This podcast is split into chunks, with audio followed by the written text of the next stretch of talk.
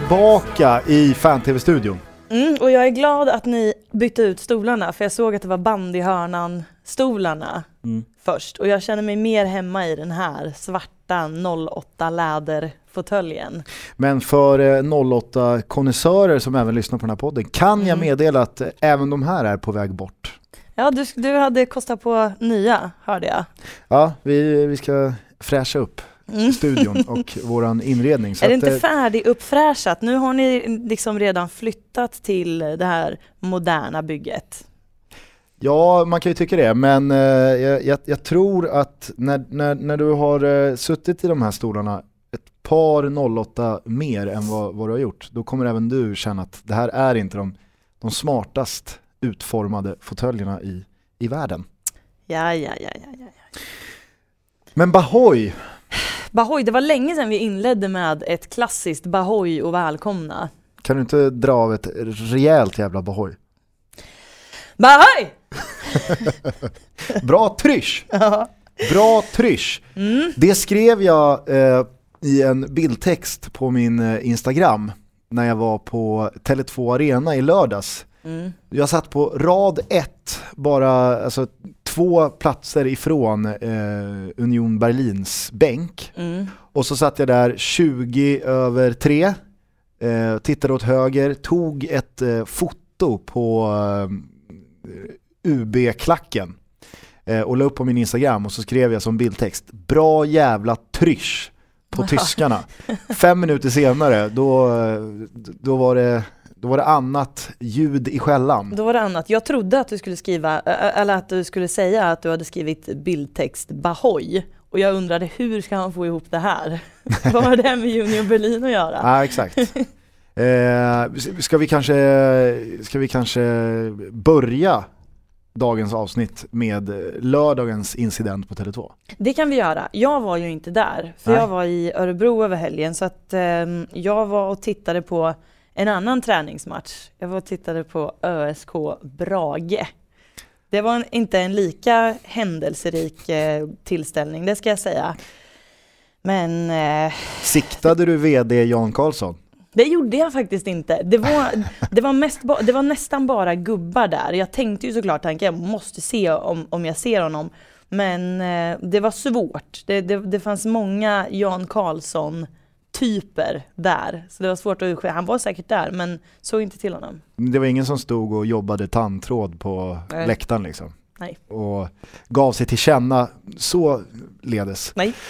Men eh, innan vi fortsätter på Tele2 så ska vi säga Jan Karlsson och det här brevet som du så eminent hade rotat fram till förra veckans avsnitt. Mm. Det blev ju en, en, eh, lite av en viral succé. Det blev ju verkligen det. Många har ju uppskattat det förra avsnittet. Verkligen. Jag tror att det förra avsnittet eventuellt är det som vi har fått mest kärlek för av alla avsnitt vi har gjort. Och jag, det jag tar med mig därifrån det är ju att folk vill ha plottriga och garviga avsnitt. Och så har vi suttit här i ett halvår och trott att vi ska så här, ja men om vi läser på, om vi kan grejerna vi snackar om liksom, då det är kul, det är bra. Men tydligen inte. Nej, men eh, ibland så, eh, du har ju varit inne på det där när vi har pratat eh, marknadsföring, eller när du har pratat Mm. marknadsföring. Att det går inte riktigt att eh, via ett recept eller en formel veta att det här kommer funka. Utan Precis. ibland så bara blir det som det blir och så blir Precis. det jävligt bra. Mm. Men nu, nu tror jag i och för sig inte att vi ska börja liksom eh, plottra på av bara helvete och tro jag tror- att jag tror ju inte vi- mer plotter desto bättre. Det, det tror jag inte det är blir bara att vi formen. läser punk en punktlistor till slut. Ja. Nej, jag känner att vi, vi är redan på väg bort från Tele2, så tillbaka till lördagen. Du befinner dig i Örebro. Jag befinner mig i Örebro. Ligger för, vid, vid, vid den här tidpunkten, alltså när allt det här sker, så ligger jag på min mammas soffa i mysbrallor med en katt på magen och eh, får ett meddelande, jag har inte kollat internet på en stund, men jag får ett meddelande från en bekant som skriver kaos på Tele2.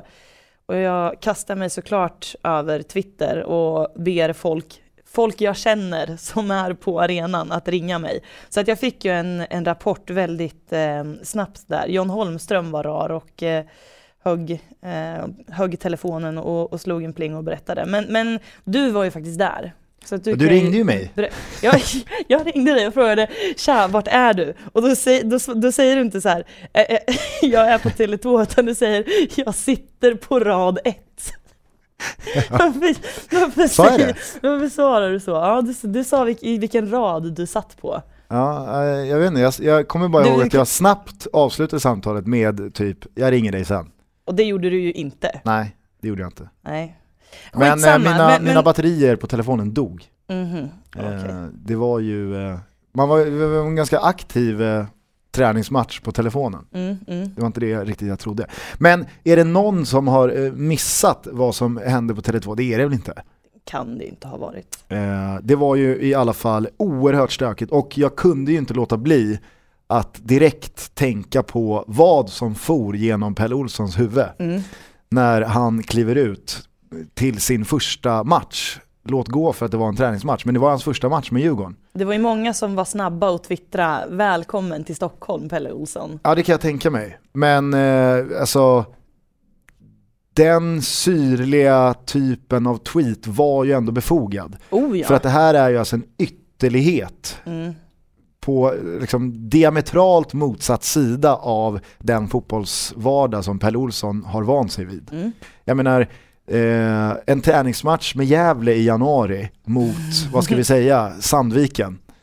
Det, det, det, det kan ju inte gå att jämföra med Nej. vad som skedde inne på, på Tele2. Men nej, det var ju jävligt stökigt. Jag fick ju eh, utstå en del kritik på eh, Twitter för att jag twittrade ut eh, att de säkerhets, eh, den säkerhetspersonal jag hade pratat med direkt efter första planstormningen Mm. att de hade menat på att det hade kommu- kommunicerats ut via deras radioapparater att de som hade hängt ut eh, banderollen i det sydvästra hörnet av arenan var tyskar. Mm. Och att det då pratades om att det var Dynamo Berlin-supportrar som alltså hade åkt upp från Tyskland Mm. bara för att eh, jävlas med eh, Union Berlin. Mm.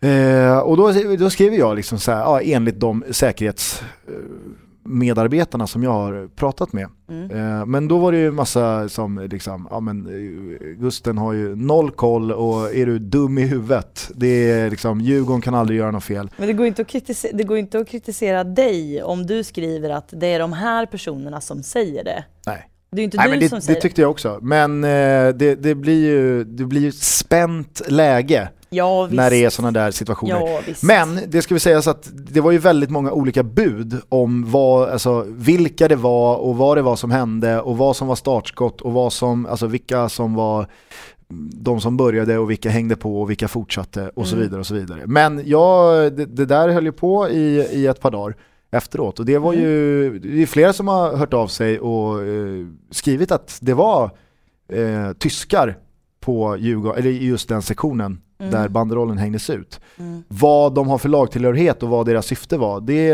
det är väl ingen riktigt som kan bevisa. Men det är Nej. flera som har, som har stämt in i att det faktiskt var tyskar som, som var med där. Men är det tyskar som bor i Stockholm? För det känns ju ambitiöst att åka från Berlin och hit för att få hålla upp en Ja, men jag- banderoll. jag- även, om jag- man ha, även om man avskyr ett lag så mycket ja. så känns det ju lite i överkant en träningsmatch i januari. Men jag, alltså jag har inte en aning heller, jag bara tycker att det låter lite väl. Ja, alltså jag försökte ju likna det med att det, alltså det skulle vara som om eh, Djurgårdssupportrar åker ner till La Manga Mm. eh, till eh, AIKs träningsmatchläger här i Copa del Sol Mm. och hänger ut en, en, en liksom Djurgårdsbanderoll. Mm. Typ liksom. Mm. Alltså bara för att påvisa att man åker till ett annat land Mm. för att bara liksom eh, Och då stick it to Var det någon det besserwisser som tyckte att det är Nej, men då var det väl längre här- avstånd? Nej, eller? det var, då, då var det folk som tyckte att jag var, jag var dum i huvudet för den liksom, liknelsen. Men det gick ju oerhört fort där. Var- Men det är- Bengaler, men det är- bengaler det- flög och det mina knappar på Twitter gick varmt. Det är ju en superrimlig jämförelse. Ja, Hur jag, kan jag man inte det köpa också. det? Ja, men du vet, Ja, skitsamma. Ja, det, det, Ja. Vi, vi vet väl inte, än idag vet vi inte. Nej, Nej. precis. Men vi kan ju fastslå att det var ett jävla kaos och det, det råder ju oerhörda oklarheter kring hur det här ska klaras upp. Mm. Och vad eh, för bestraffningar som kan väntas eh, Mm. följa. Mm.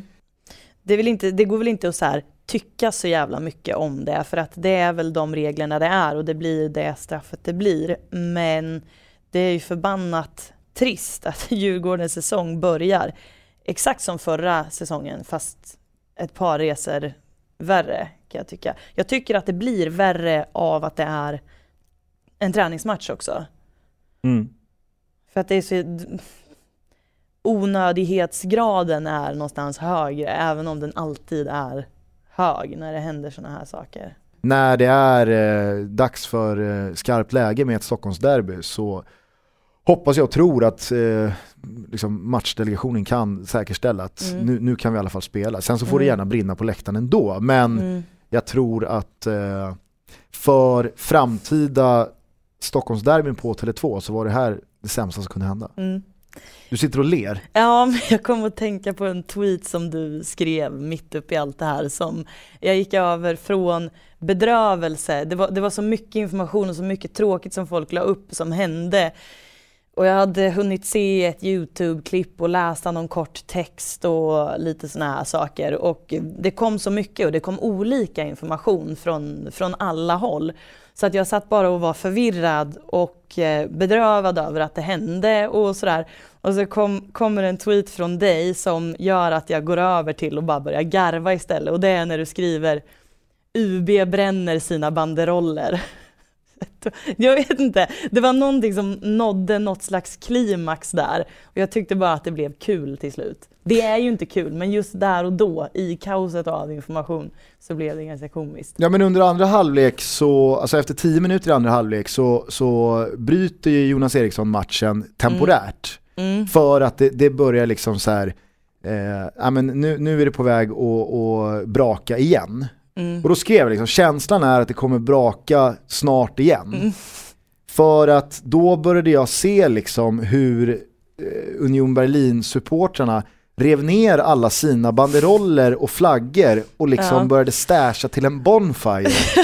och det var ju inte för att liksom 10-12 pers skulle få en skön liksom, hög att ligga i och se Mm, nej. sista 20. Utan det var som att de håller snabbt som rackarns att bygga en liten majbrasa här. Mm. Och sen så gör ju Djurgården 1-1 och alla står och tittar från mitt håll då, jag, jag satt på östra läktaren, Mm. åt vänster för att eh, det var ju ett jävla härligt eh, bengalbrännande som, som skedde efter att Djurgården gör 1-1. Men så ser man så här i, i, hög, i höger ögonvrå den här svarta, riktiga, alltså det säga eldröken. Inte den här liksom ljusa, nästan vita röken som blir av pyroteknik. Utan liksom svagt, svagt så börjar jag liksom vrida huvudet åt höger. Och då ser man bara stor, svart, riktig jävla eldrök av sura, kemikaldränkta tygstycken som bara bolmar upp. Och liksom nu jävlar brinner det på riktigt. Och då visste jag så här, ska jag skriva? Äh. De bränner, Det, gjo, det, gjorde de bränner sina banderoller. Det var liksom... det gjorde verkligen någonting för mig det. just där och då. Det var roligt. Jag fattar att det inte är det egentligen. Men det känns ju som att säkerheten på den där arenan faktiskt ifrågasätts lite grann. Alltså det går ju inte skitbra för de nya arenorna. Det gör ju inte det. Alltså Nej. Friends ifrågasätts för att det är dåligt ljud och dålig matta och allt vad det nu är. Liksom jumbotron som alla hatar. Och på Tele2 så händer det grejer, inte hela tiden, men det har ju hänt saker där. Um, vad är det som gör att det kaosar på just Tele2 liksom? Och, Jag vet inte, men eh, en, en, eh, en ganska tröttsam förklaring som titt som tätt dyker upp och gjorde så senast eh, i, i helgen här också är ju någon som liksom bara svepande säger att arenan är felbyggd. Och det, är så här, det känns som en sån jävla, det känns som en sån enkel förklaring. Jaha, okej. Vad- Ska vi bara liksom lägga oss på rygg då och tänka, ja den är felbyggd. mm, Det var ju som det här med, med akustiken på Friends. När, när hela den debatten rasade. ja. Det var så många som, alltså de som kritiken riktades mot kunde bara konstatera, ja den är felbyggd. Mm, Det blev inte som vi hade, vi hade tänkt oss. Nej. Nej, nej men vad ska, vad ska, ska man göra någonting åt det eller ska man bara liksom konstatera att nej den är felbyggd.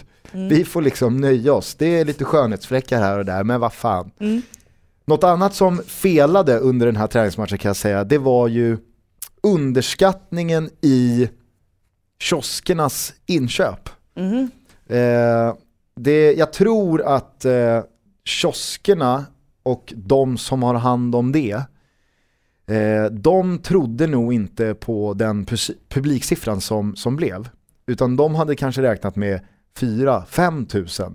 Det kändes så i alla fall. Fastän det hade sålts 7-8 tusen Ja. biljetter. Och- och- Begåvat. Då, men då ja, men, kanske, och det säger jag bara för att när jag kommer då ner kanske det räcker med att säga att arenan är felbyggd.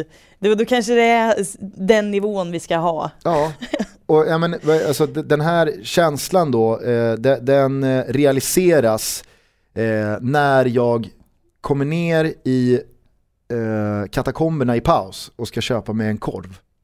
För att matchen sköts ju fram typ 45 minuter Mm. eh, och jag var jävligt hungrig. Och, så att jag går ner där och ska ja, köpa mig något att äta och ställer mig i, i kön fram till kiosken eh, och eh, står och liksom kollar i min telefon fram tills jag bara har en pappa och sin son framför mig. Då liksom vaknar jag till liv när jag hör honom. Men vad fan, har ni, liksom, trodde ni att det skulle komma någon till den här matchen? Det, det, det är det enda jag hör. Och tittar upp och han bakom kassan liksom säger att ja men nu, nu är det så här, jag, jag kan liksom inte trolla fram en korv. Jag, jag kan inte börja ställa mig och mala köttet nu. Nej, ja, men nu var du jävligt spydig va? Men vad, vad, vad ska vi käka då? Det finns ingenting. Det finns ingenting. Kom, kom Johan! Och så tog han sin son och gick. Och så går jag fram och så säger jag så här, "Vad, är korven slut eller? Och han bakom, ah, ah, allt är slut. finns ingenting. så jag bara, men äh, det, okej, det finns ingen korv, men äh, äh, burgare? Nej, slut. Den här kycklingwrappen då? Slut. Men han har ju precis sagt att allt är slut. Ja men, Varför ja, vad frågar fan, man det måste, finns- ja, men det är väl för fan ingen som köper en kycklingwrap när man är på fotboll. Så jag tänkte det är kanske ingen som har tänkt på att det, det finns en kycklingwrap kvar. Men äh, det var så här, han bara slog ut armarna så att äh, allt har varit slut sen eh, liksom, två minuter in i pausen. Jag, Mm. jag, jag tror inte vi riktigt eh, trodde att det skulle komma så här mycket folk. Eh, sista grejen från den här matchen jag vill ta med mig, det var ju den här fantastiska nummer 17 i Union Berlin. Mm. Torsten Matuszka. Matuszka. Det Som, är eh, ett så bra namn. Ja, Matuszka. äh, var, han, var, han var fantastisk. Rejäl partykagge. Mm. Eh, alltså det, det var, tröjan satt eh, bra åt om Mm. den eh, kulan. Mm. Och äh, alltså han bara, han gjorde vad han ville på planen. Mm. Alltså jag skrev det på Twitter också, att jag aldrig sett en spelare med en friare roll. han ville ha bollen hela tiden. Mm. Och så, det kändes som att han gjorde 100 meter på 16 och 40 typ. Eh, fantastisk spelare. Magiskt att han bara smeker en hörna till eh, en spelare som möter den på volley utanför straffområdet efter, det, alltså det är ju f- efter 5-6 minuter. Mm. Och jag kände hur det skar i Pelle Olssons hjärta. Att det, det, det tar fem minuter, sen så släpper han in ett mål på en fast situation. Det måste varit så, eh, alltså det måste varit så, liksom, på vilket annat sätt som helst hade de kunnat få släppa in ett mål. Men Mm. inte på en defensiv fast efter fem minuter. Där, där ömmade jag för Pelle också. Men eh, vad fan, det om det. Detta om Eh, detta. Det lär, eh, det lär bli en harang som fortsätter ganska länge. Förmodligen. Eh, och det, det, som sagt, åsikterna går isär vad det var som egentligen hände. Mm. Och det lär det fortsätta göra. Mm-mm. Eh, men välkomna till avsnitt 24 av Från bruket till bögringen, FBTB. Bahoy! Slå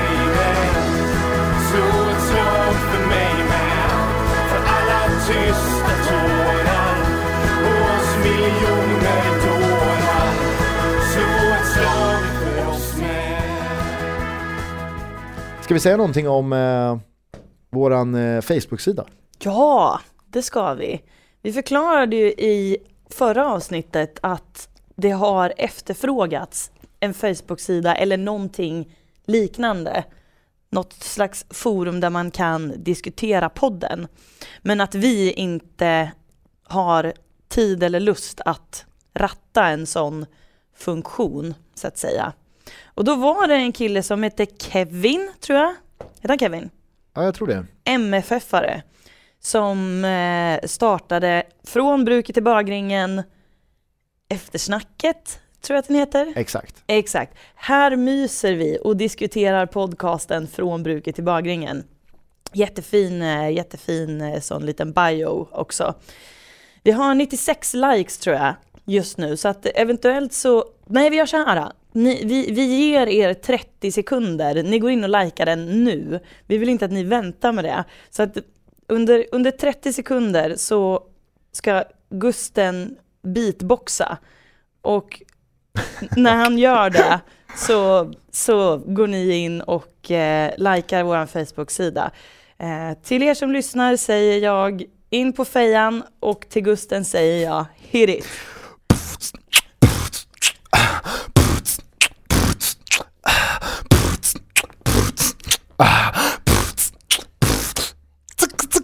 Nej. Vackert. Eh, Tack så mycket Kevin, säger vi i alla fall, eh, för att du startade den där sidan. Ja, vi, vi ser också att du har efterlyst folk som kan hjälpa dig att administrera den. Jag vet inte om det behövs än, för det har inte varit så superhårt tryck på den. Men det kanske blir, mm. nu när folk har varit inne och likat. Ska vi, ska vi eh, peta någonting i eh, bakgrundsbilden han har valt? Kon knallgrönt konstgräs. Ja. Hur tänkte du där, Kevin? Det är, men det, det är en härlig grön färg, men man ser ju att det är konstgräs. För sådär bra täta gräsmattor finns det inte i det här landet. Nej, precis. Men det, det han skulle ju kunna ta, det finns ju en, en bild eh, på, på konstgräset eh, på Tele2 med eh, det alldeles nytillkomna brännmärket. Det finns säkert fler, men det finns en fantastisk bild. Fotboll Direkt såg jag hade en sån, man kan säkert gå in och sno den. Det skulle väl vara roligt, för nu har vi pratat om, Mm. om det där. Så att, eh, Ja, nej men eh, ett, ett stort tack till Kevin för att du körde igång den här och eh, in där och prata av er om ni vill Mm. säga något om avsnitten. mm. Nu måste vi gå igenom din bibba här som du har med dig. Du har en Vi ska massa jävla samtalsämnen. Jag vill prata om Zlatans eh, Volvo-reklam. Mm. Jag såg för övrigt i den där gruppen att någon hade ställt, eller Kevin var det då antar jag, som ställde frågan vad tror ni att de kommer prata om i veckans avsnitt? Och då var det någon som hade svarat jag tror tyvärr att de kommer prata om, om Zlatans Volvo-reklam. Och ja, det kommer vi att göra för att jag har mycket att säga om den här reklamfilmen. Har du mycket att säga om den här reklamfilmen eller är den vad den är? Vänta, this just in. Du kommer inte tro att det här är sant. Men Cabralsinho avgår från Syrianska. Nej! Jo! Skämtar du med mig nu? Nej, this just in alltså. Från vart då? Uh, nej men, eh, ja du ser här. Vad st- Jag har står det? precis fått står från fyra, fem personer på min Twitter. Men det här är ju för bra. Det här är alldeles för bra. Okej, men in på deras officiella då, så, så tar vi det efter Zlatan-grejen. Jag kan börja prata om det och jag, det här känns eh, ännu Ska mer... vi, inte bara, ska vi inte bara läsa lite snabbt och så eh, är vi tillbaka alldeles, alldeles strax. Gjorde Syrianska klar med 69-åriga Carlos Cabral som ny manager. Nu har han sagt upp sig. Enligt uppgifter till LT-sporten. På tisdagen höll mittfältaren Charbel Toma i lagets träning. Okej, innan du eh, fortsätter den meningen så säger jag, nu, vi, nu är vi tillbaks, vi har läst snabbt, snabbt här eh, vad det är som har hänt. Cabral Senior har alltså avgått eh, efter roughly tre veckor på posten och eh, han har uppgett privata skäl som eh, anledning till det. Exakt, Charbel To- Toma har, har hållit i, i träningarna idag va? Eller? Ja, Ja. Och sportkommitténs talesperson Jan Grigo har eh, uttalat sig om att anledningarna han har avgått för är av den skälen att eh, de, de, alltså de, de skälen är mycket, mycket viktigare än fotboll. Så att vi får väl förutsätta att det har eh, liksom hänt någonting väldigt trist. ja, det har det väl Eh, och, och det behöver vi inte säga så mycket om, men det här var ju det sista Syrianska behövde. Fortsätt här den här meningen du påbörjade. Det här känns... Jaha, egentligen så är det här en, en jävligt lam spaning, men det första jag känner spontant det är ju att Syrianska lägger, alltså det senaste, de senaste sju, åtta månaderna så, så har de ju lagt en ribba för roliga avgångar i, i fotbollssverige. Det måste man ju säga. Alltså Öskan, Öskan avgår på en presskonferens i affekt och är tillbaka liksom fem dagar senare. Cabralsinho glider in på en räkmacka. Ingen har någonsin hört talas om snubben och han heter Cabralsinho. Avgår tre veckor senare Ja, från ingenstans. Ja, det, det, det, var ju, det här var ju oväntat. ja eh, alltså man, man vill ju någonstans, alltså det, det, det kan låta makabert, men man vill ju verkligen tro att det här är som det låter. Ja, att han inte har kommit hit och känt att oj, det här, Vad var, är det inte, här? var inte vad jag trodde att jag gav mig in på. Exakt. Ja. Men den, den brasklappen ska man väl inte liksom helt utesluta.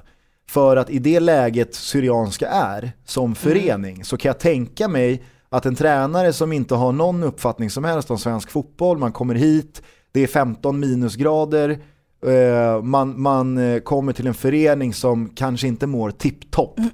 Man har dessutom nyss degraderats, intresset kanske inte är på topp. Eh, han kanske kände att eh, liksom, en månad till så, har jag liksom, så måste jag köra. Nu är det fortfarande januari, nu, alltså, jag, jag, jag kan köra en in-out här och bara, nej fuck it, jag skit i det här. Det här var ju inte alls vad jag hade tänkt mig. Men eh, för Syrianska skull så hoppas man ju inte, inte att det är så. Nej. Frågan är vad som händer nu. Ja, vad händer nu? Det här, är väl, det här var väl det sista de behövde när, Verkligen. när försäsongen ska till och, och dra igång. Jag tror inte att Toma tar över som, som tränare på, på heltid. Nej. Men eh, spontant så fyll, fylls man ju också av eh, lite sorg för eh, eh, liksom FBTBs skull. Det känns som gud, att ja. Cabralsinho hade, han hade gett oss många härliga uppslag under året. Eh, nu fick vi ju för sig ett här tidigt på året. Men, det, så det, det värsta med det här det är att vi tappade Cabralsinho. ja men det kan man väl någonstans eh, säga. Ja, vi, kan, vi, kanske, vi kanske är de som har haft mest glädje av Cabralsinhos visit i svensk fotboll. Ja men faktiskt. Ja. I, alltså, inte någon annanstans så har han fått så mycket liksom, medialt utrymme som i, i vår lilla, vårt lilla universum. Vi, tack, vi får tacka för den här tiden, Cabralsinho. Ja. Du är välkommen tillbaka när du känner dig redo. Verkligen.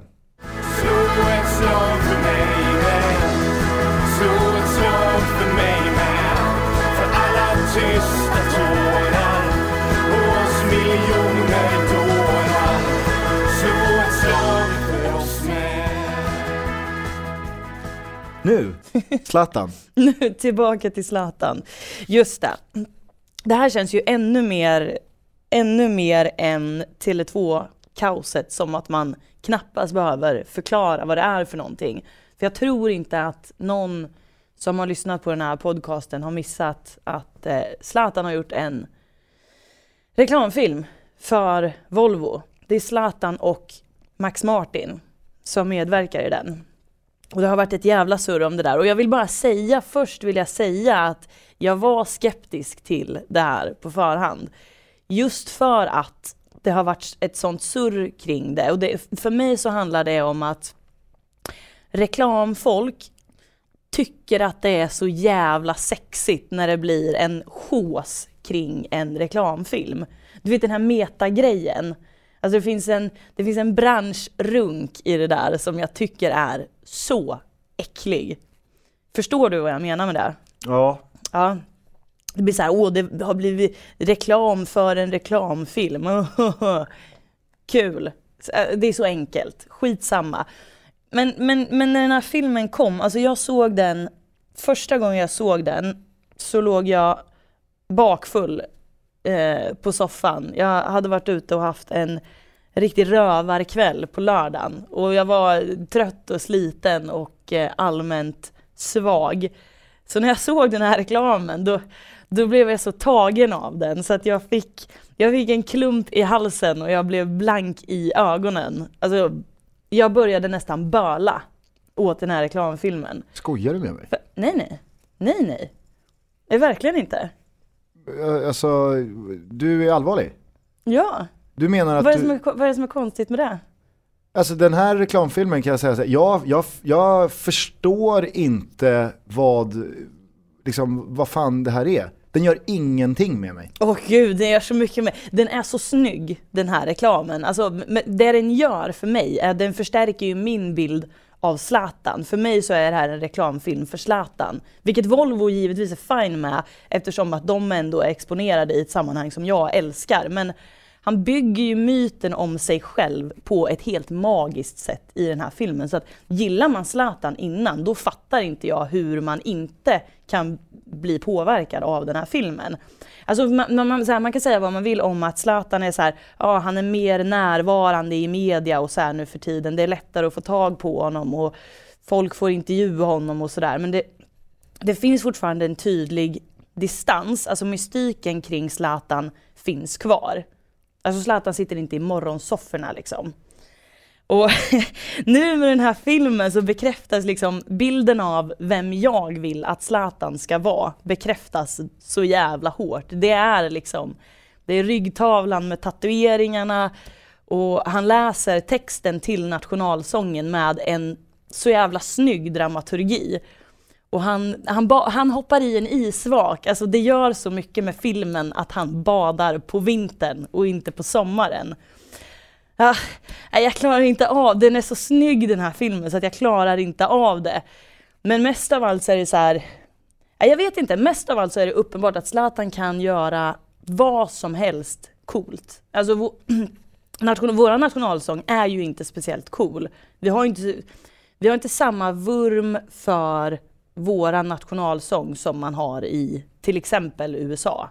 Men just nu på kort sikt så är ju nationalsången är den fetaste låten som finns. Jag vill ha, alltså om någon, om någon vet hur man fixar det här så kan man gärna få höra av sig. Jag vill ha ljudspåret till den här reklamfilmen, vill jag typ ha som ringsignal i min mobiltelefon. Den här reklamfilmen är ett den är ett så stort jävla håll käften till alla fjantiga Zlatan-imitatörer som inte är ett dugg roliga. Alltså ni kan inte vara Zlatan, ni kan inte det. Det där är Zlatan i den där filmen. Fan vad cool han är. Oh, prata du en stund nu. Ja, jag, jag, jag är häpen, ta mig fan, mm. av liksom ditt engagemang i en reklamfilm. Mm. Det här är liksom, ja, jag, jag, jag vet inte, jag, jag, jag har liksom inte förstått vad, vad, vad, vad är det Har du sett den? Det, ja, det, ja, jag har sett den. Jag kände mig någonstans tvungen till att se den. Men det var så här, när den var klar, jaha. Okej, okay, Zlatan, har, Zlatan har gjort eh, reklam här för Volvo. Ja. Nej, men, nej, alltså... men den är en sån, den är en sån störd tidskapsel den här reklamfilmen. Men herregud N vilka jävla ord! Om, om nu jag, blir, jag blir fan irriterad om på... 30, om 30 år så kan man titta på den här reklamfilmen och, och, och säga okej, okay, det där var, så där var Sverige 2014. Skärp dig! Du, Vad snackar du, du fattar ingenting, om du inte fattar tidskapselreferensen, då förstår du ingenting. Då är det ingen idé att vi ens pratar om det här.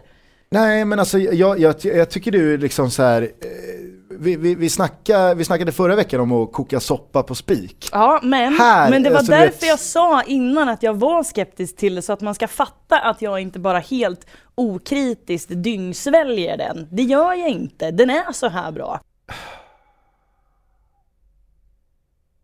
För jag, blir helt, jag blir helt matt av din fascination för en, för en jävla reklamfilm alltså. Men en jävla reklamfilm, så kan du inte säga som Nej, att det för, är... För mig, den, alltså, den, den gör ingenting. Jag, ty, jag, tycker, jag tycker det näst, nästan var liksom, nästan var trist att Zlatan till slut föll för att göra liksom en, en reklamfilm. Sen så kanske han i sammanhanget fick väldigt mycket pengar för den, men jag menar vad fan är 10 miljoner för Zlatan? Alltså det hade väl varit en sak om man hade gjort en reklamfilm för eh, Unicef fått 10 miljoner som hade gått tillbaka in i deras verksamhet.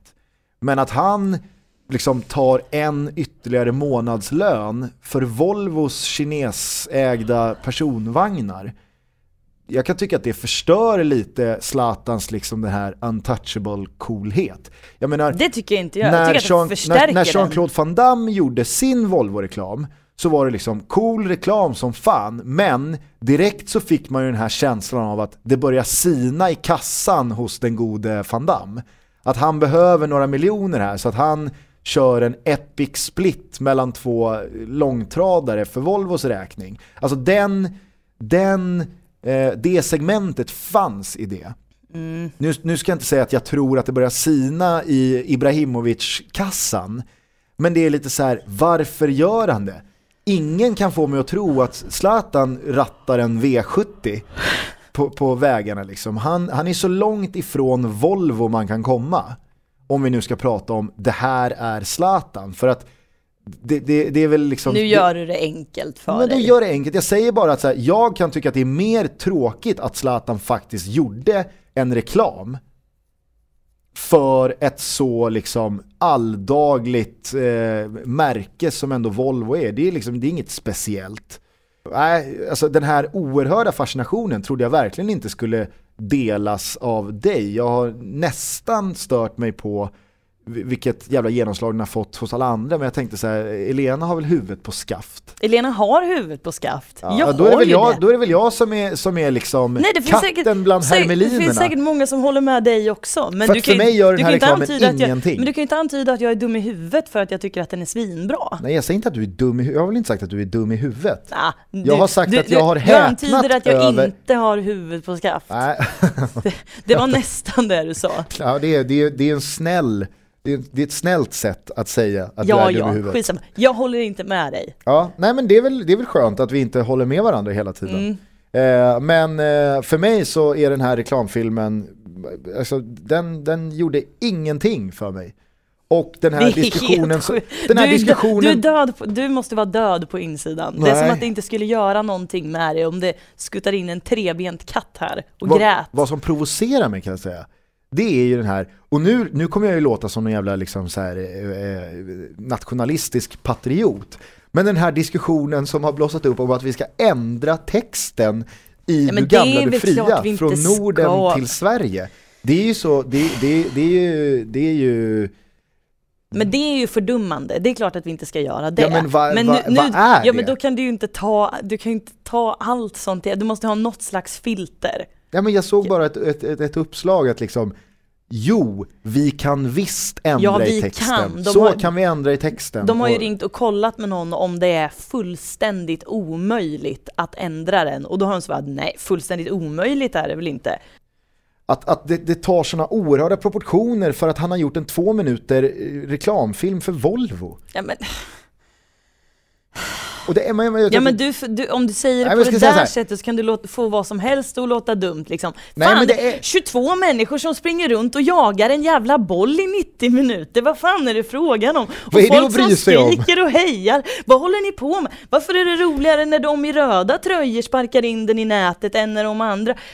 Du hör ju hur det låter också. Skärp jag säger bara så här. Jag, jag, jag ställer mig likgiltig till den här reklamen. Mm. För mig gör den ingenting. Det jag blir provocerad av är ett, eh, liksom hånet mot Rickard Dybeck och dennes liksom, text till Du gamla du fria.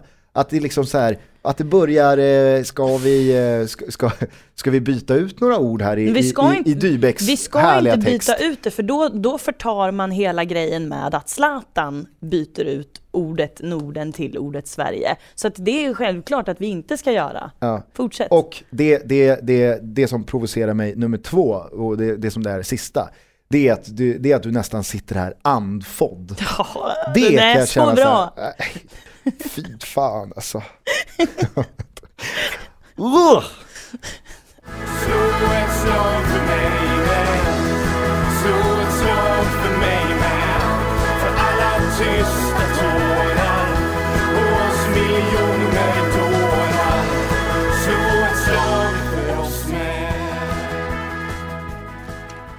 Jag vill prata om när Glenn Hussein recenserade film. Mm. Har du läst det? Ja, Mm. jag har läst det. För det är bland det roligaste jag har läst på hela året. Och det är inga överord för att 2014 är inte så långt hittills. Nej? Nej. Det är liksom, han skriver ju krönikor ibland i Expressen. Och de brukar inte jag läsa för att jag utgår från att det bara är ren skit. Men så var det någon som hade länkat till det här och skrev att det var jävligt roligt. Och då gick jag in och kollade. Och det är, det är som filmrecensionerna man själv skrev i mellanstadiet. om inte ännu sämre. Det är så fantastiskt. Jag har några exempel, jag har några favoritögonblick ur, eh, ur den här texten. Vill du höra? Ja, jättegärna. Mm. Jag tycker det är kul att du, alltså, det vart ju succé sist Ja, du ja, läste nu, upp nu, ska externa inte texter. förs- nu ska man inte så försöka göra om en succé. Det här är nytt avsnitt, ny grej. Det Ja. här är vad det är. Men det här är i alla fall på sjunde plats, han har gjort en topp 10-lista, eh, Glenn, på sina 10 favoritfilmer. Han har, han har också bara listat filmer som man blir glad av, för att han skriver att ingen ska gå från biosalongen med krökt rygg. Det, ty- och det, tycker jag, det tycker jag vi alla kan liksom fundera, vad kan vi lära oss av Glenn Hyséns sägning? Ja, han, tog, inte, han, han tog väl den här Mig äger ingen som exempel på att jättebra det. film, Persbrandt är fantastisk, men man blir ju, man blir ju depraverad. man blir så deppig. Skitsamma, Eh, han har gjort en topp 10-lista och på plats sju så är det Deer Hunter. Då har han skrivit så här, Deer Hunter. Där har vi Robert De Niro, Christopher Walken och Meryl Streep och de är ju hyfsade skådespelare. Det händer inte så mycket i början. Det är först när de kommer ner till Vietnam som det kör igång på riktigt. En stark film. Alltså, det händer inte så mycket i början. Det är, så, det är så rolig nivå på det. Det är en magisk recension av en film som alltså är sjua på hans topp Mm. 10. Det händer inte så mycket i början. Precis. Han har på nionde plats har han eh, Gran Torino. Här har vi en ganska ny film med en gammal skådespelare, Clint Eastwood.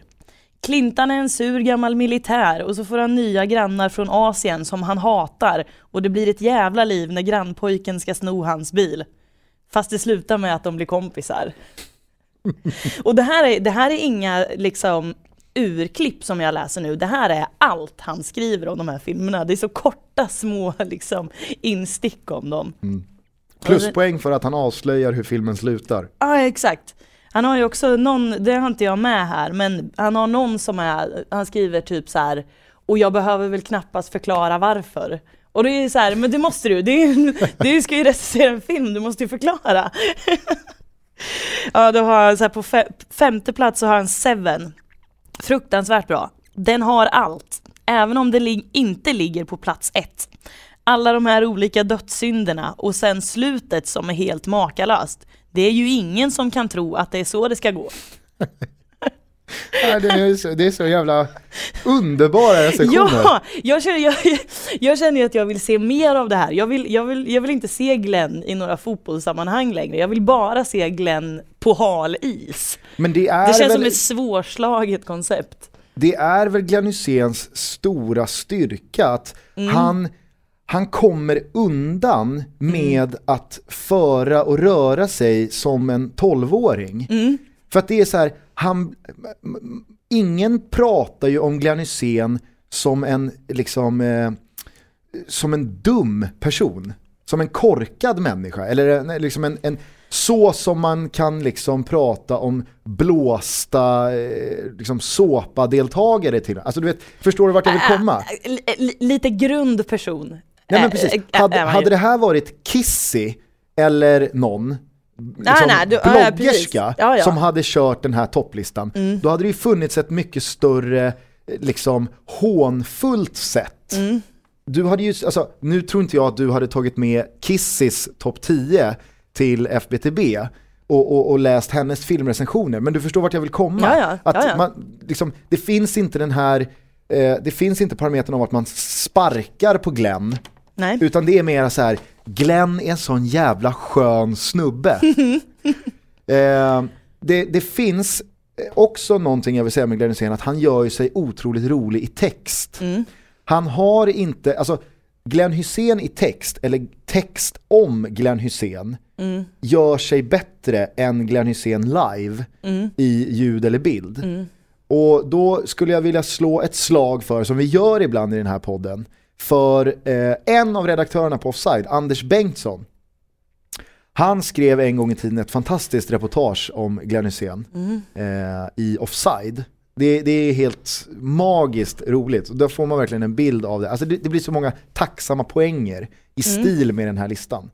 Eh, jag kommer dessutom ihåg eh, Robert Laul som eh, verkligen eh, förtjänar en stor jävla tumme för ett blogginlägg han skrev en gång om någon lunch han hade tagit med Glenn Hysén där han hade suttit och berättat massa saker från sitt liv. Mm. Eh, det, det går också att rota fram i Lauls blogg. Eh, förmodligen det blogginlägget jag har skrattat mest åt i, Mm. i hela mitt liv. Mm. Så att eh, jag, jag älskar Glenn Hysén. Mm. Ännu mer än nu.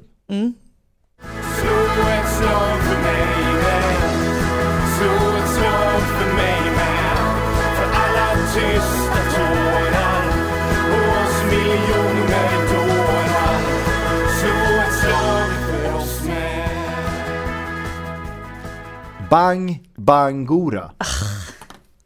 Bang bang. Ja, Klart idag. klart idag. Först Livesändning på, på Sportbladets webb-tv stod de och väntade på Arlanda. ja, vi måste ju bara säga någonting om eh, AIK Fotbolls VD Thomas Edselius. Mm. Eh, när han av Kristoffer Bergström får liksom den givna frågan om hur eh, det blir med Teta Baguras eh, skada här nu, operationen och finns det någon risk för att han missar upptakten av allsvenskan och så vidare. Och Thomas Etzelius otroligt dryga, liksom AIK-doftande svar att ja, han ska ju inte byta mjälte direkt. Alltså det är så, det är så, det är så frågan är ju självklar. Den måste ju ställas, han ska direkt opereras. Hur blir det då? Kommer han hinna klart till liksom? Men Thomas Edselius förutsätter att alla fattar väl att den här meniskoperationen, det är ju no biggie. Det är väl klart att Tette är tillbaka på 4, 5, 6 veckor. Så att han måste säga, ja, han ska ju inte byta mjälte direkt. Och jag gillar det, det, det skaver. Thomas Edselius har någonting. En annan aik som har någonting, det har vi konstaterat tidigare, det är ju Björn Westström. Och jag tyckte också att han var rolig i en intervju med Sportbladet, tror jag att det var där också, där han säger att vi betalade inte ens i närheten så mycket som Elfsborg gjorde för Mohamed Bangura. Och det känns som en sån grej som han ville ha sagt. Han är så nöjd med den här affären, Björn. Och det, alltså, det var i ett sammanhang där de hade tagit upp den historien, liksom att det, det ska väl ändå inte sluta som med Mohammed nu, liksom att han går till en annan svensk klubb som betalar mer. Men jag är ganska säker på att Björn hade, han hade klämt ur sig det där ändå. Jag tror att han ville ha det sagt. Ja, förmodligen, absolut. Och det, det ska väl sägas att det har ju, är det någonting som har framgått i det här låneavtalet så är det väl att Tete Bangura har stått för någon slags eh, liksom, världsrekordlönesänkning. Jag I tror, procent, jag eh, tror i till och med att hans agent Patrik Mörk använde just det uttrycket, Mm. världsrekordsänkning. Sen så är väl inte Patrik Mörk känd för att eh, använda sig av de små bokstäverna utan han brukar ju Nej, nej, slå han, på stora trumman när, när det gäller att uppa sina egna spelare. ja visst, absolut. Men att Tete Bangura går ner i lön, det, det, Det och får det är man ju rejält. lov att fatta. Ja. Ja, och, och det, det var ju givetvis en förutsättning Mm. för att det här skulle ske. 19 omgångar om han är med från, eh, från första början. Vilket han, eh, Edselius eh, sa väl att han förmodligen inte är det, men han kommer vara tillgänglig i 19 omgångar. Två derbyn! Två eh, punkter jag alltså, direkt kommer att tänka på när, det här, alltså, när den här transfern blev klar är ju ett, vad tänker Eero Markkanen? Att- Zlatarna. Att Eero Markkanen ska vinna offside-ligan, det, det tipset störtdök ju kände jag. När, Tette, Fast han när hinner Tettes nog, Nuna han hinner dök nog upp på de, på de, de inhoppen han gör. Alltså, dels det är 11 omgångar, Tette kanske drar igen. Han har 11 omgångar på sig och så gör han några inhopp också eh, innan dess. Så, uh, sett till alltså, ration av eh, alltså antalet offsides på den korta tiden som vi stod och, och, och betraktade tvåmålsspelet på Skytteholm. Det känns som att den, säg, den Han kan säger komma som en allt- alltså- raket ja, ja, sista ja. elva omgångarna. Ja, ja. Nej, men vi, vi var väl, jag var väl ganska tydlig med att det här handlar om antal offside per spelad minut. Ja, och ja. på så sätt så, så behöver ju inte det här eh, innebära så mycket för Eros eventuella vinst i den ligan. Men jag tror att det här, eh, det här var ju inte vad Eero Markkanen satt och längtade efter. Nej, För att nu nej. har ju AIK helt plötsligt satt sig i lite av vad vi kan kalla en Djurgårdssituation. Ja, alltså jag tycker det är intressant. AIK som är så otroligt eh, försvarsfokuserade. Alltså AIK, AIK ska ju inte ha, AIK ska ju inte ha en spelare som vinner skytteligan. AIK ska ju inte ha tre superstarka anfallare i sin trupp och en förvisso oprövad men det sägs att han är väldigt bra på bänken. Det kan, ju, alltså det kan ju komma att uppstå en situation där en av de här inte ens är med i truppen, i matchtruppen. Och då är frågan om Eero Markkanen har kommit hit för att bara sitta av tid. Ehm, eller... Det tror jag verkligen inte. Nej. Nej men det tror inte jag heller. Han är, han är här för att springa offside, det är ju alldeles uppenbart. Och, och, och, men jag tycker det är spännande med AIK för att man har, man har ju väldigt länge sett dem som ett lag som är mer försvarsbetonat än anfallsbetonat. Och nu känns det som att supportrarna, alltså supportrarna kommer ju förvänta sig att någon av de här, nu säger jag tre, att någon av de här tre spelarna ska vinna skytteligan. Jo, Kanske att- att, två, kanske att två av dem är topp fem till och med. Absolut. Samtidigt så blir det ju så också att eh, det kan bli en, eh, en sådan situation som jag vill mena på var anledningen till att det, det liksom sket sig med Majstorovic. Nu, eh, nu, nu ska givetvis Majstorovic agerande och hans karaktär inte liksom vara någon generaliserande bild för att så blir det alltid när en sån här diskussion eller situation uppstår. Men att det blev som det blev med Majstorovic, det tycker jag var givet med att, alltså det hängde ju så mycket ihop med att AIK hade för många bra mittbackar. Mm, ja, De, ja, hade, visst. de hade liksom, det var en ohållbar situation att ha fyra givna mittbackar på två positioner. Mm. Nu har AIK tre stycken givna forwards Mm. på två anfallspositioner och dessutom har man ett nyförvärv i Eero Markkanen som är ung, hungrig och har en fysik och en spelstil som bryter av från de mera pigga, rappa Tete Bangura, Kennedy Iguananike speltyperna som bryter av från eh, Henok Goitoms lite mera regissör alltså Filir. regissörroll Ja. i anfallsbesättningen. Så att de har ju verkligen alla olika ingredienser. Det är Mm. inte så att Eero Markkanen är en sämre kar- karbonkopia av någon annan i det där bygget. Nej. Men jag, jag kan tänka mig att eh, under våren så, så kan det nog komma att knusslas lite i hur det där ska fördelas. Men jag förutsätter med Eero Markkanens orutin och att han är liksom ny i laget med Tete Banguras nyopererade menisk att Henok och Kennedy är det givna anfallsparet till att börja med. Mm. För det tror jag ändå, det var ju Björn Westström inne på när jag eh, pratade med honom om eh, värvningarna AIK har gjort. Att det gäller att ligga i, i framkant. Och det, det, det tror jag väldigt många tänker Mm. just nu. Att man, man, man kan inte bara värva i presens, utan man måste tänka lite långsiktigt. Det kommer ett VM där Celso Borges kanske imponerar så pass mycket att han försvinner. Att Mm. AIK får ett för bra bud för att kunna behålla honom. Och då kanske det, då kanske det öppnar upp sig för en liksom, ja, lite mer droppande roll för Henok Goitom där. Och så, så får man plats med båda. Mm. Med två forwards framför honom. Jag vet inte, men eh, trubbel är det upplagt för i alla fall, tycker jag. Ja, jag vet inte om jag tycker att det är upplagt för Ja, men trubbel. i just det avsiktet. Sen, sen Jo, är vi alla överens om att det är en absolut. kanonvärvning Absolut. av Alltså, AIK. tru- jag tycker också att trubbel, det är... på, trubbel på det sättet som det ofta kan bli i sådana här situationer när man har för många bra spelare på samma position. Men inte trubbel på det sättet som det blev med Daniel Majstorovic. Nej. För jag tror att det föregicks ju av att han och Alm hatade varandra som pesten också. Det var ju mycket, det var ju, det var ju mycket som hade byggts på och sen var det en droppe som fick bägaren att rinna över. Ja, så alltså, att, så att jag, jag tror... trubbel, jag, i den, jag tror, i, i, trubbel i det avseendet att någon, eventuellt några, kommer ju vara väldigt missnöjda med sin speltid. Absolut, absolut. Det är ju självklart, alla fyra kommer inte spela. Mm. Ja, Så. men hade Eero Markkanen suttit och puttrat på bänken och varit missnöjd med sin speltid för att Henok och Kennedy gör det jättebra Mm. och Tete Magura inte hade funnits i truppen, då hade ju någonstans det varit som det ska varit. Då är det ju bara för Eero att vänta på sin chans, hålla sig onside, peta in några bollar och sen så liksom, sen kan han börja vara liksom missnöjd på någonstans ett relevant sätt. Men nu blir det så här, nu kommer någon förmodligen sitta där missnöjd och faktiskt ha fog för att vara missnöjd. För att de- den personen ska inte sitta där på bänken.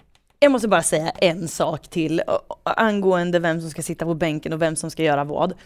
Första gången som Tete Bangura ska spela, då måste jag säga, alltså Alm och Nebosha måste förstå att då kan han inte spela från start. Alltså rent publikmässigt, klackmässigt, så vill jag se vad som händer på den där arenan när Tete Bangura byts in.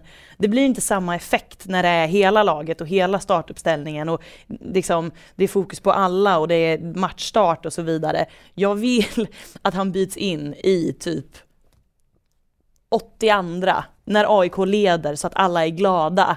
Då, in med Bangura. Slå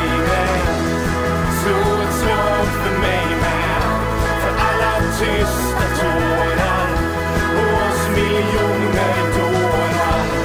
Slå ett slag för oss med. Ska vi ner till Malmö? Ja, Eh, jag frågar dig kort då. Ska Malmö spela med en eller två stjärnor över sitt klubbmärke? två. Du skojar? Nej, jag skojar.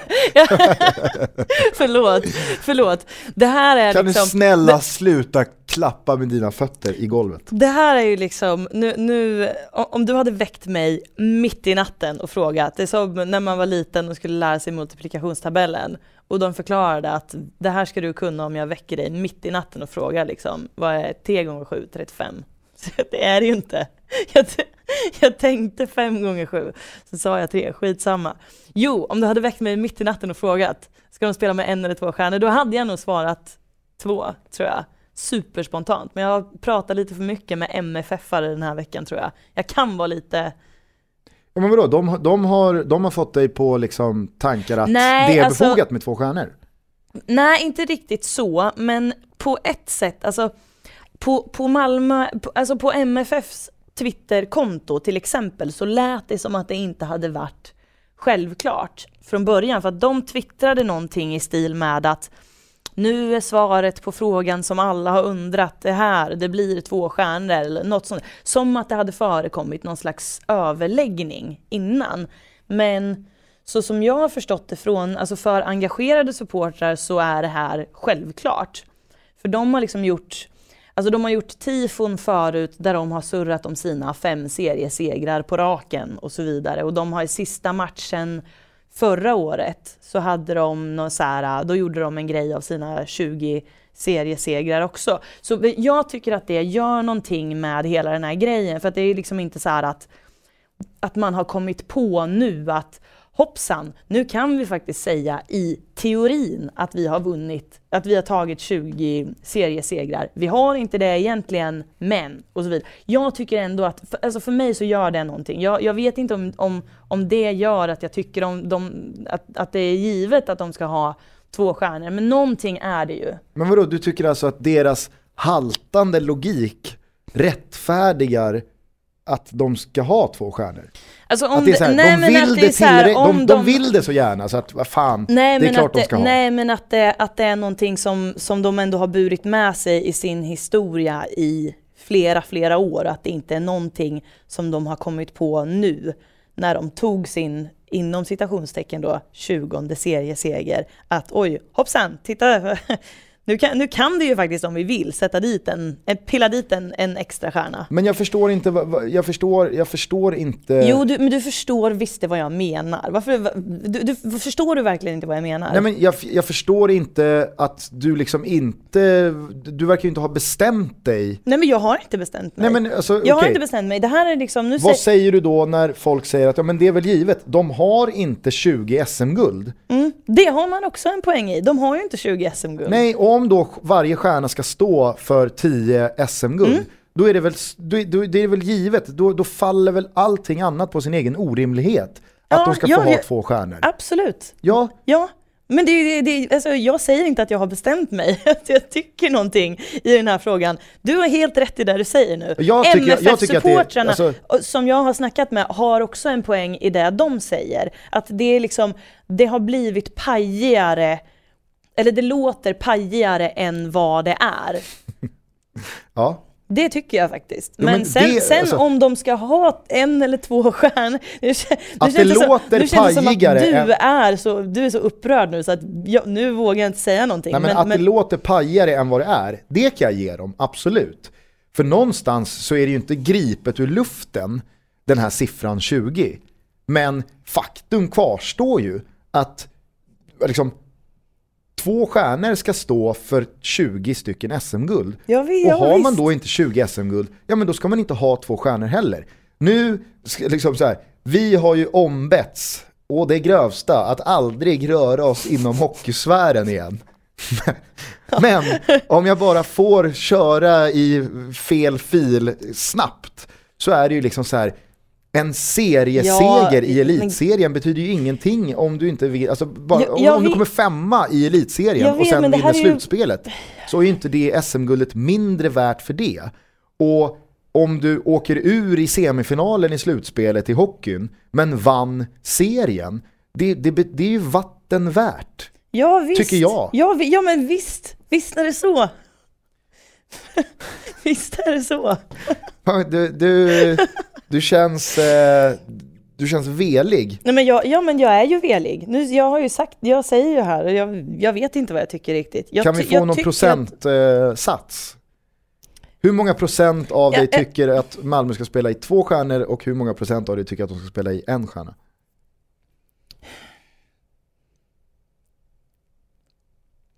Det blir svårt nu för att om, om, jag, om jag överhuvudtaget svarar på den här frågan så kommer ju det tolkas som att jag har bestämt mig. Jag har inte det. Jag vet Nej, inte. fast om du svarar 60-40 så hör man ju att du, att du står och vacklar. Ja men då kommer tweets om att hur fan kan du tycka det är 60-40? Nej, jag, jag, jag säger så här. Jag säger så här. Jag, jag förstår din poäng. Jag förstår eh, förstår alla, motsidans poäng. Jag förstår allas poäng. Spela nu hur många stjärnor ni vill. Ja, ja vad fan ni vill. Ska vi sätta två stjärnor på FBTB också? Ja, Eller en? vi har ju fan gjort 24 avsnitt. Ja. Eh, en kort fråga bara. Mm. Vad är 8 gånger 7? 36. Ah, fy fan. 56. Ja, verkligen. Eh, vi kan, vi kan eh, hålla oss kvar snabbt bara i Malmö. För att där finns eh, veckans Lundén. Jaha. Det Nisse. är Olof Persson, Mm. den eh, gamla mittbacken som inte bara tog plats i eh, min eh, drömelva av spelare man upplevt. Utan eh, även var den eh, fotbollsspelaren som har firat ett SM-guld på kanske härligast sätt. Mm. När han eh, brölade ut var ska vi sova i natt på eh, Lilla Torg i Malmö. Mm. Kan det vara där man firar SM-guldet i Malmö? Ja det heter, någon, det heter Jag vet att det finns ett Lilla Torg i alla fall. Ja. Eh, hur som helst så har eh, Olof Persson eh, blivit assisterande tränare Mm. i eh, Malmö FF Mm. till Åge Hareide och eh, vi har ju pratat ganska mycket om Åge och Malmös sportsliga ledning i stort. Mm. Där det kanske inte har varit supermycket positiv ros från vår sida. Eh, men det här tycker jag är ett steg i riktigt jävla rätt riktning. Mm. Olof Persson är ju eh, himmelsblå i, eh, ut i fingerspetsarna. Mm. Han vurmar ju jävligt mycket för klubben, han har liksom bevisat sig som tränare på en nivå som jag tycker rättfärdigar ett assisterande tränaruppdrag i allsvenskan. Eh, och det, det var en eh, liksom, riktigt, riktigt bra eh, mittback Mm. som jag tror verkligen kan, kan styra upp ett, eh, ett bra försvarsspel i det där laget.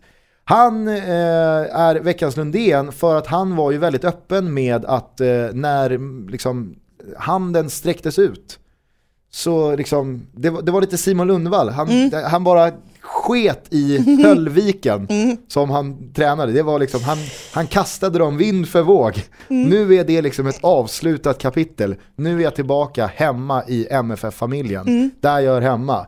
Eh, och han var ju eh, jävligt glad över att ha fått den här chansen. Spännande, smart av Malmö och eh, härligt för Olof Persson Mm. som man unnar det här. Verkligen. Jag tänkte också på det, att han var så god när han fick de här frågorna. Han fick ju någon fråga, eh, ja det låter inte som att du tvekade så mycket eller någonting. Och då svarade han ju, nej nej, jag tände på alla cylindrar. jag tycker det är så fint. Och det är så här, jag har skrivit upp en, en grej till här. När jag fick reda på att det var mig de ville ha så var jag själaglad. Ja, ja, det, är, Alltså, det är så han- jävla Han är själaglad, ja. Det är verkligen liksom eh, rapsfältigt sagt. Ja, verkligen. Han var själaglad, Mm. han sprang barfota Ja. Någonstans. Eh, en tränare som vi för några veckor sedan eh, undrade hur det skulle gå för, det var ju eh, Andres, Andreas Thomsson. Just det. Vet du vart han har tagit vägen? Åh gud, det, det vet jag faktiskt inte. Han har skrivit på för två år med FC Linköping City Oj, i division 2. oj då. Och, eh, Hallå där. hallå hallå där! eh, det, det kan man väl säga är, det är väl en, eh, en, eh, en helt omvänd väg mot eh, det steget Olof tar. Olof går Ja, från är division det ju. 2 upp till Champions League-kval. Andreas ju. Thomsson går från att vara huvudtränare på en nybyggd arena i Allsvenskan till att krita, inte bara för ett, utan för två, Mm. Två. år i Linköping City. Ja, precis. Det känns... Deppigt känner jag. Ja, lite deppigt. Det känns väl lite grann som att det är väl någonting han gör för att inte tappa fart. Lite grann. För att tajmingen var off och det fanns ingen annan klubb på en högre nivå för honom att ta. Kanske han skulle ha väntat ut Cabral Sinhos avgång så kunde han ha tagit Syrianska förvisso. Men nu blev det inte så. Eh, men det, gör, det, här är väl, det här är väl uppenbart någonting. Han, han måste göra någonting. Han måste ha ett jobb, karln. Vem, eh, vem tror du på uppstuds skulle kunna tänka sig att ta Syrianska nu? Sitter du på någon luring eller? Nej men Nej, alltså, det där- ja. det har ju varit kanske den rörigaste tränarcirkusen i svenskt liksom, fotbollsmannaminne Mm. de senaste 4-5 månaderna. Och eh, det, det är väl någonstans som skrivet i stjärnorna att det sista lediga uppdraget är liksom kaoscirkusen Syrianska. Mm. Eh, alltså en stor jävla eloge till den ryggraden som vågar, skulle jag vilja säga, ta Syrianska nu. Mm. Eh, det, eh, det blir spännande att se Mm. vem, vem som tar det där bygget. Men eh, inte blir det Anders Thomsson, eh, Andreas Thomsson i alla fall.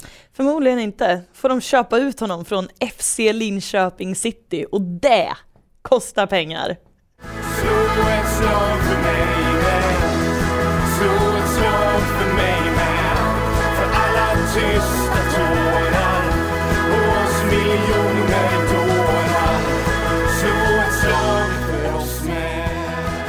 Ja, men jag, jag ska fråga dig, vem blir FBTB avsnitt 24s ÖSK-are?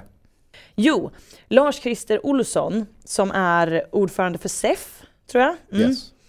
Han fick eh, frågan kring, eh, de ska ju ha någon slags eh, utredning nu, fotbollsgubbarna. Några från förbundet och SEF och, och sådär. Och då ska de utvärdera och se vad man eventuellt skulle kunna göra med vad de förmodligen kallar produkten svensk fotboll. Produkten superettan, produkten allsvenskan.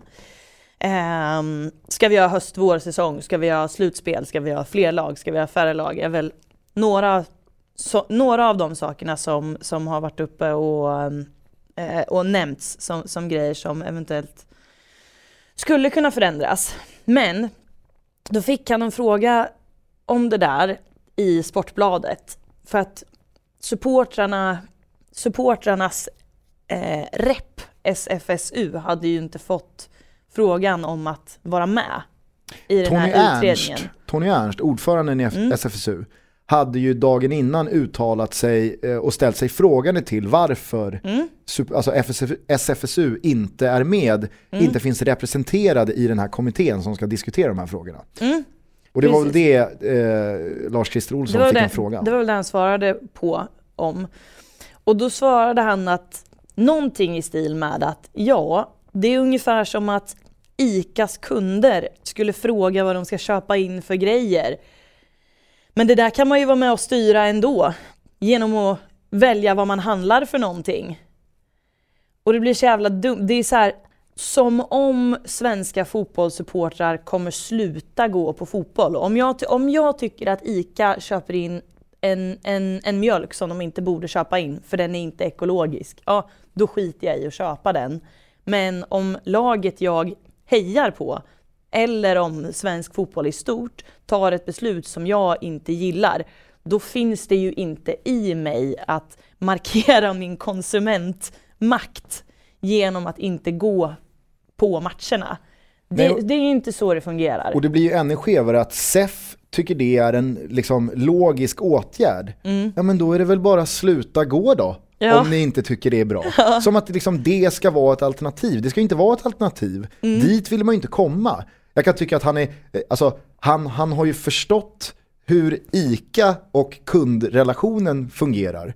För att det är väl självklart att om, om inga kunder köper den här produkten, ja till slut så slutar ju ICA köpa in den.